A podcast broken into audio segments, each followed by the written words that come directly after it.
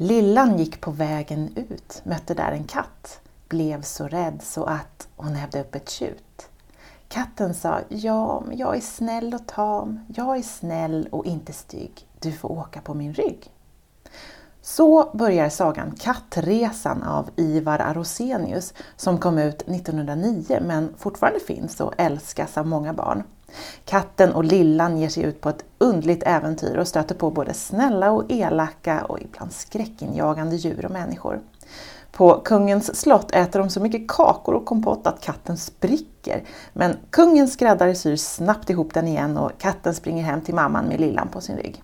Sagan är underbart illustrerad av Arosenius akvareller, för han var i grunden konstnär. Jag har hört, men inte hittat någon källa till det, att katten är en metafor för blödarsjuka. För Ivar Arosenius var blödarsjuk. Kattresan kom ut postumt sedan han dött i sviterna av en halsinfektion, bara 30 år gammal.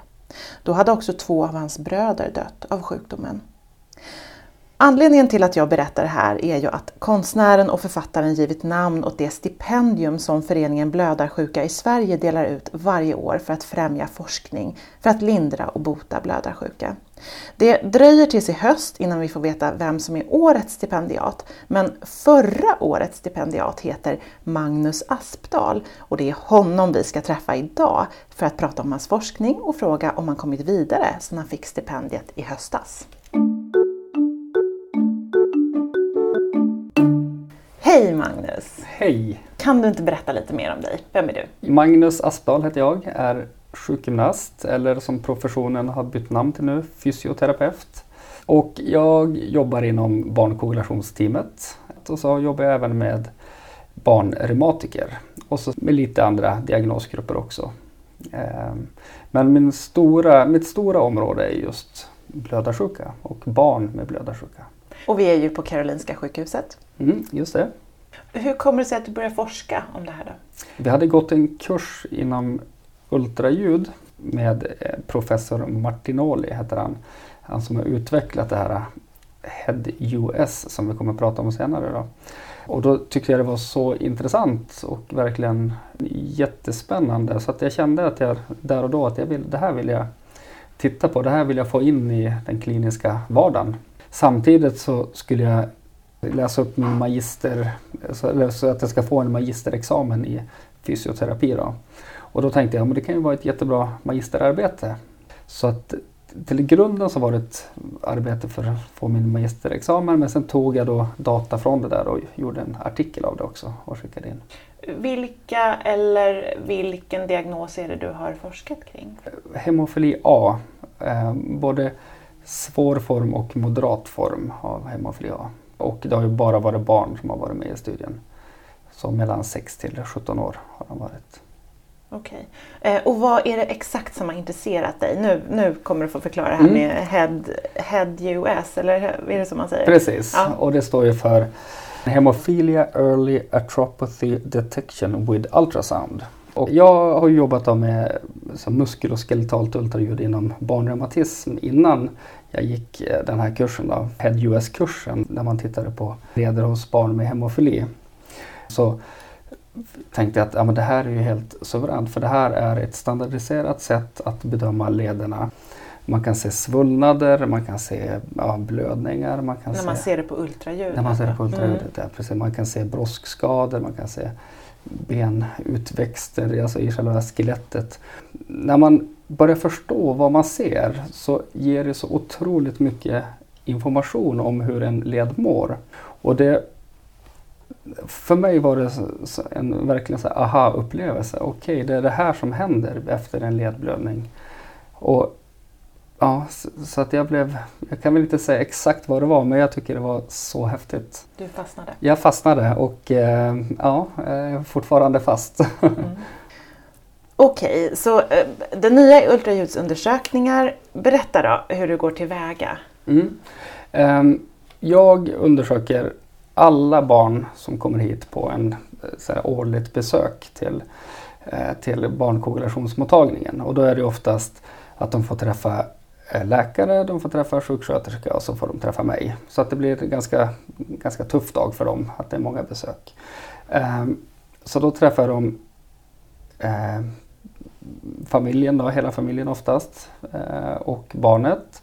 Och så börjar jag oftast då med den här kliniska undersökningen, alltså det här eh, när man böjer och sträcker, jag mäter ledrörlighet, eh, jag tittar på svullnader, alltså att jag tittar igenom de sex stora lederna som är de vanligaste lederna där barn med hemofili blöder. Då, och det är armbågar, knän och fotleder. Eh, så 80 procent ungefär av alla ledblödningar sker i de lederna. Då. Och allt det där är ju utifrån ett standardiserat kliniskt bedömningsinstrument eh, som heter Hemofilia Joint Health Score som är den gold standard i, i världen när man undersöker. Det är det man använder ja, normalt sett? Precis. Ja. Så syftet med det är att man ska se de här tidiga förändringarna i, eh, i en led så att man då kan anpassa medicineringen. Mm. Okej, okay, och vad händer sen? Um, så när jag har gjort det så då övergår jag och så gör jag den här ultraljudsundersökningen direkt efter det. Då. Mm. Uh, och då tittar jag också igenom båda armbågarna, eh, båda knäna och båda fotlederna. Och då tittar jag efter svullnad, alltså en inflammation. För en blöd, har man haft en ledblödning så det som händer i själva leden är ju att när kroppen har tagit hand om själva blodet så lagras det in järn i den här ledkapseln och det som triggar igång en inflammationsprocess. Och den här inflammerade synovian som heter ledkapseln den skickar ut sådana proinflammatoriska ämnen som kallas cytokiner eh, som i sig har en ganska dålig inverkan på själva, på själva ledbrosket. Så det börjar frätas bort lite grann av den här inflammationen. Då. Och får den där inflammationen pågå länge så kan man ju få en, att den, den fräter bort i stort sett allt ledbrosk i leden. Och då blir det ju två benytor som ligger mot varandra och det är ju jättesmärtsamt. Då. Varför är det just lederna som, som påverkas så vid, vid blödarsjuka? Mm. Man vet väl inte exakt varför man blöder mer i, i de här större perifera lederna som vi kallar det. Alltså det är armbågar, eh, knän och fotleder. Sen kan de ju blöda i andra leder också. Det finns, jag träffar patienter som har i stortåleden kan man få en blödning. Man kan få det i handleder, höfter är ganska vanligt. Eh, men varför det blir just de här större perifera lederna, det tror man beror på. Dels är det belastningen, att de utsätts för ganska mycket belastning. Sen tror man också att det kan bero på att det finns, den har en liten annan, eh, vad ska man säga, en, liten annan miljö i själva leden. Att den har eh, mindre av någonting som heter tissue factor, alltså ett, den faktor i koagulationskaskaden som, som drar igång hela processen. Den här dominoeffekten som händer när blodet ska koagulera. Och att det finns mindre av sånt i, i de här lederna. Då.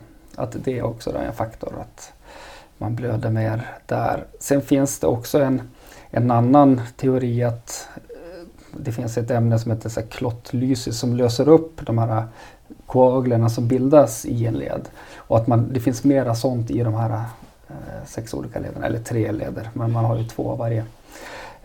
Um, och att så blir det en, en, ett koagel, en klott, så bryter den här klottlysis upp den här klotten. Va?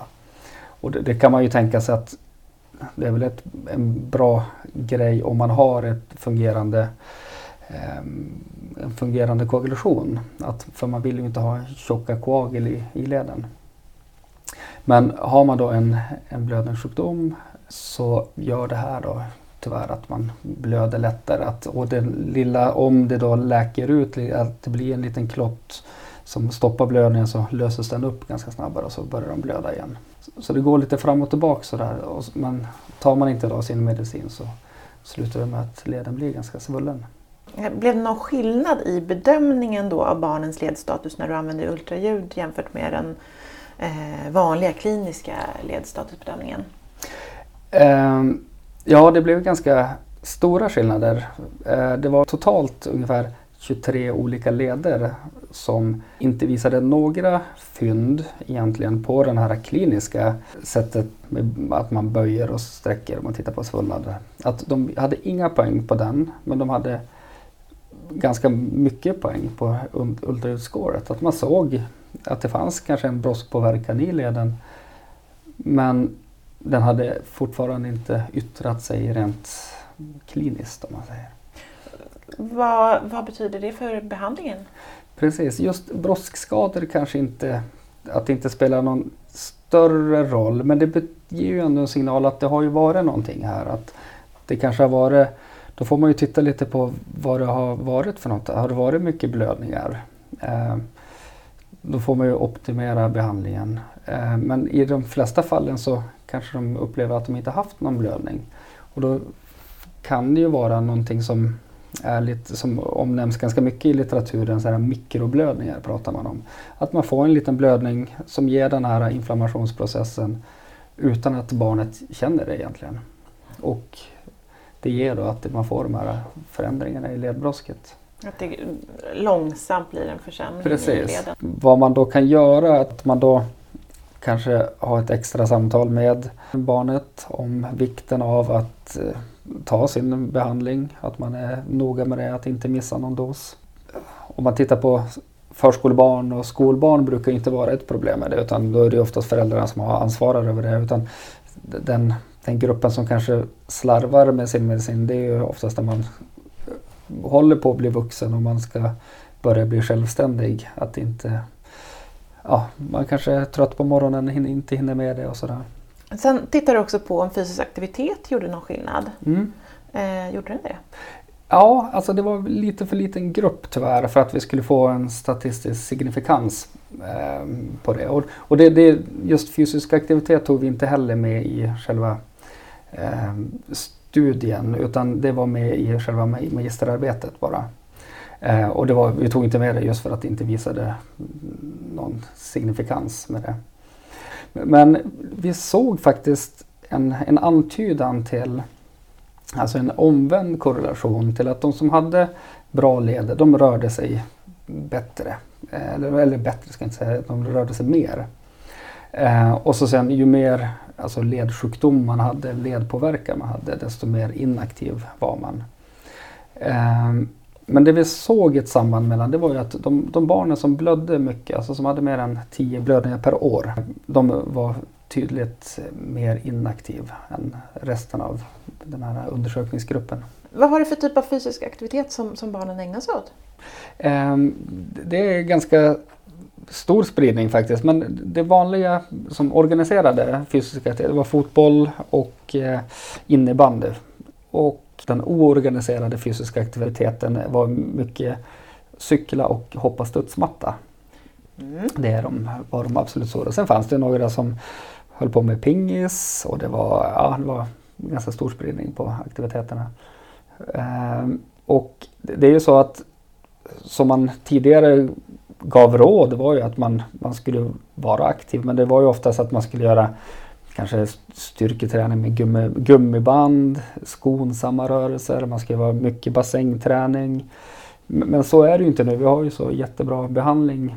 Eh, att vi, vi, vi, vill ju gärna att de ska vara så fysiskt aktiva som de vill. Och eh, ännu bättre att man uppfyller de här svenska rekommendationerna för fysisk aktivitet. Och det är att man ska vara aktiv en timme per dag och tre gånger i veckan så ska man ha en muskelstärkande och skelettstärkande övningar. Eh, sen finns det också en rekommendation, alltså om man har en, eh, någon funktionsnedsättning, att då, då är man lite mer eh, svävande och då säger man att man ska vara så fysiskt aktiv som man kan vara eller som ens fysiska status tillåter. Um, men vi ser ju gärna att de håller på med någon idrott, att de deltar på skol, skolidrotten. Eh, och så får man ju anpassa medicineringen efter det. Att man tajmar in det så att de har ett bra skydd när de utför sina aktiviteter. Men det jag ville poängtera också, det, det är ju viktigt också att man när man börjar med någon idrott att man har rätt utrustning till att börja med. Att man kanske behöver ha hjälm om det, om det skulle vara så. Och att man är vad ska man säga, man är, har en grundfysik att klara av det också. Att man inte kommer från att spela tv-spel direkt till att vara med i en hockeymatch. Att man får vara med i träning och att allting får ske successivt om man säger. Så att man, och det gäller ju för alla, alla barn och alla vuxna. Att man Tänkte inte... precis säga det. precis. Uh... Ja, och så måste man ju få ägna sig åt det man tycker är roligt. Verkligen. För att det ska bli en, att hållbart, att det är någonting att de ska hålla på med hela livet så är det en förutsättning att det är kul. Så hur tänker du då att resultaten ska användas nu då? Mm. Jag vill ju gärna sprida det här ultraljudet. Jag tycker att det bör användas på alla centran i, i världen helst. Men framförallt eh, där man har profylaxbehandling. För det är ju, det, det är ju inte ett, eh, bedömningsinstrument för att se ledblödningar, det är det inte. Utan det är att se de här tidiga förändringarna. Och då tyvärr så är det ju så att då kanske man inte har så stor nytta av det i, i länder där man inte har profylax. Att de har ändå så pass mycket ledpåverkan. Men jag vill ju hemskt gärna att man ska kombinera hemofila joint health score och eh, vad heter det, HEAD-US så att man inte jag tycker inte det här kan ersätta hemofila John Telscore utan jag, jag, ser det som ett jättebra komplement. Men jag skulle gärna vilja säga att det används i alla koagulationscentran i världen. Det skulle vara helt, det är min vision. Fler bitar, bitar till pusslet helt enkelt. Ja men precis, mm. verkligen. verkligen. Mm, och sen fick du pengar från Aroseniusfonden eh, för att gå vidare eh, och titta och göra en uppföljning på, på de här patienterna. Mm. Precis och eh, det är ju för att vi vill ju se lite vad som händer med dem nu när de är insatta på profylaxbehandling. Vi vill se vi, vi kommer ju ytterligare att titta på om det, den här korrelationen mellan de olika bedömningsinstrumenten också men det kommer inte vara fokus på det utan det här kommer ju vara en eh, att se förändringen i deras ledstatus. Eh, och vi kommer både titta med den här hemofilia John Tell score och vi kommer titta med Head US också. Hur långt har du kommit? Eh, vi har datat insamlat eh, och nu är det egentligen bara att få in det i, i det här statistikprogrammet och så sen eh, göra beräkningar på det. Så att är igång men det är tidskrävande men det är fantastiskt roligt. Vad betyder pengarna? Det betyder otroligt mycket och det det har gjort framförallt är att jag kan, jag kan köpa mig tid om man säger att det blir som lön för mig att jag kan vara ledig från, från mitt ordinarie arbete och fokusera fullt på, på den här studien. För förra studien fick jag göra på min fritid på, hemma på sena kvällar efter jag nattat barnen och sånt. Så det här det har betytt otroligt mycket. Är det, är det svårt annars att få resurser till eh, forskning för så pass ovanliga diagnoser? Ja, alltså här på Karolinska så tycker jag ändå att vi har ett otroligt eh, bra forskningsklimat. Att det, det är någonting som eh, verkligen uppmuntras av både min chef och på koagulationsmottagningen också. Att, och jag får jättemycket stöd ifrån doktorerna där och, som har varit mina handledare. Då. Det är Susanna Ranta och eh, Pia Petrine då, som har varit mina handledare till den första studien. Um, du följer också en grupp flyktingbarn som tidigare inte fått profylaktisk behandling. Mm. Hur passar de in i den här studien? Det har gett mig en stor erfarenhet av vad, vad som händer om man inte tar profylax eller man inte får profylaxbehandling. För de i stort sett, ja jag kan nog säga alla de, de hade alltså uttalad ledpåverkan. Kan du inte berätta lite om dem? Var kom de ifrån? Och... Um, det var någon ifrån från Afrika men Syrien och Afghanistan var de, de flesta ifrån. Um, som kom med den här stora flyktingströmmen då för några år sedan. Det var en patient som han, han berättade verkligen så hur han, han hade kommit själv eh, och eh, hur han hade en dos med mm, faktor 8 med sig på den här långa resan. Han gick nästan från fots från Syrien till, till Medelhavet och därifrån tog han sig vidare till Sverige. Och han hade den där dosen med sig då bara för att ja, om det hände någonting då så. Och han var ju tvungen att använda den ganska tidigt i, i sin resa också så att det var ju verkligen, ja, ja det var verkligen en gripande historia tycker jag. Ja. Och han hade ju också jätteut långt gången ledsjukdom. Alltså hans eh, ja, knän och fötter var ju verkligen jättepåverkade av, av sin hemofili. Och, och rent generellt, hur, hur svåra skador hade de? Hur eh, mycket stor påverkan hade de? Ja, eh, oftast hade de ju fler än en led. Att de hade två eller tre leder som var mycket påverkade. Och då var, det, var ju, det är väl svårt att säga generellt sådär hur de såg ut men, men de flesta hade ju någon sorts kronisk synovit, alltså kronisk inflammation i de här lederna. Eh, de hade oftast eh, påverkad ledbrosk och man kunde se sådana här benpåväxt i, i skelettet. I olika grad såklart mellan de olika, olika personerna. Men, men alla hade ju kroniska inflammationer i dem. Och, och med kroniska, jag berättade också att det, det, betyder egentligen att man har haft en, eh, haft en inflammation mer än sex månader. Vad betyder det för forskningen att vi har den här gruppen nu här som, mm. som inte har fått behandling tidigare? Precis, ja, men det, det, tror jag betyder ganska mycket. För, och det är det vi ska titta nu i den här uppföljningsstudien som jag fick stipendiet för. Att vad händer nu när vi har satt, satt in dem på eh, den svenska eh, vad heter det, profylaxbehandlingen. Eh, ser vi någon skillnad? Kan man, kommer de här inflammationerna, kommer de eh, gå tillbaks? Behöver man lägga till någon ytterligare behandling för att få bort dem eller räcker det med att man sätts in på profylaxbehandling? Kommer det påverka ledbrosk någonting? Det vet vi ju inte. Vi tror ju inte det men, men det får vi se om det gör. Eh, sen kan man ju tänka sig också att det här är ju så bra då att man använder de här båda utvärderingsinstrumenten. Då, att med hemofila joint health så kan man ju kanske se en större för förbättring. Just att man får, får tillbaka sin rörlighet, man får tillbaka styrka i benet eller armen. Eh, man, eh, ja, man kan få mindre ont och, och sådana saker som den mäter. Medan ultraljudet kommer vi säkert se en minskad svullnad i, i leden men sen kanske vi inte ser så mycket mer. Och det, det, det kommer ju ge jättemycket information för oss hur, hur och hur, hur vi ska använda ultraljudet och hur vi ska använda de här eh, instrumenten tillsammans. Vad, vad tror du att eh, patienterna kommer att ha för nytta av, av eh, dina vidare studier nu då, uppföljningsstudien?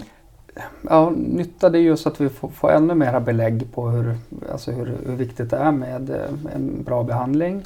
Just det här med följsamhet, att man kan se vissa förändringar även fast det utåt sett eller i den här kliniska undersökningen så, så märker man inte det men det, det, kanske händer någonting där ändå och att man kanske kan få med patienten att bli mer följsam med sin behandling när man kan visa de här små förändringarna som har, som har börjat ske.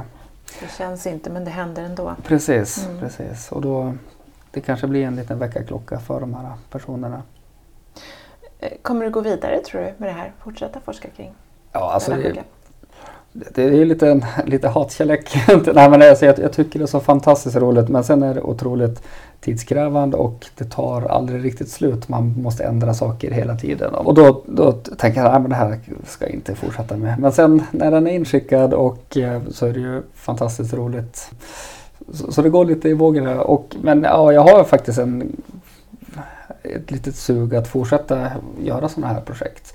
Jag känner Samtidigt, jag skulle inte vilja göra det på, på heltid för jag kommer sakna patienterna för mycket. Så att, eh, som jag gör nu lite... Kanske bra också att ha kontakt ja, men jag med tror patienter. Det också. Mm.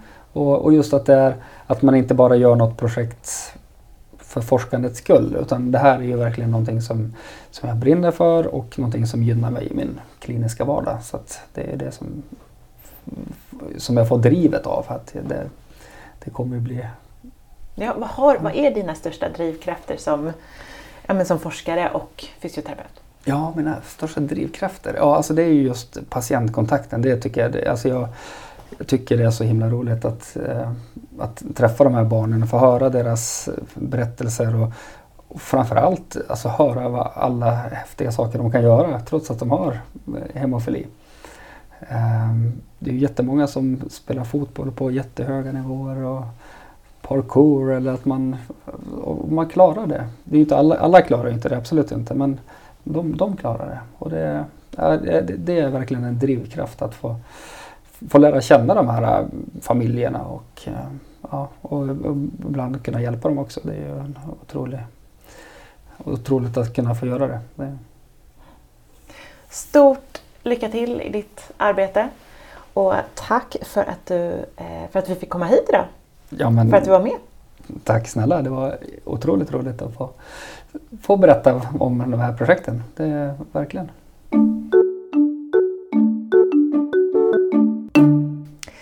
Tack också till er som lyssnat och till CSL Bering som gör den här podden möjlig. Hjälp gärna till att sprida kunskap om att den finns. Vi vill så gärna att människor som kan ha nytta av att veta mer om blödardiagnoser och vad de innebär för de som har dem, vet om att det finns lättåtkomlig viktig information. Och de som vill gräva djupare hittar massor av länkar och saker att beställa på föreningen Blödarsjuka i Sveriges hemsida, fbis.se. Sagan Kattresan finns inte där, men den finns i bokhandeln och faktiskt också som gratisapp om du vill höra hela berättelsen. Hör av dig om du har något du vill berätta för oss. Redaktionen är cslbering.se och Bering stavas B-E-H-R-I-N-G. Blödigt Värres producent heter Estrid Bengtsdotter. Hej då!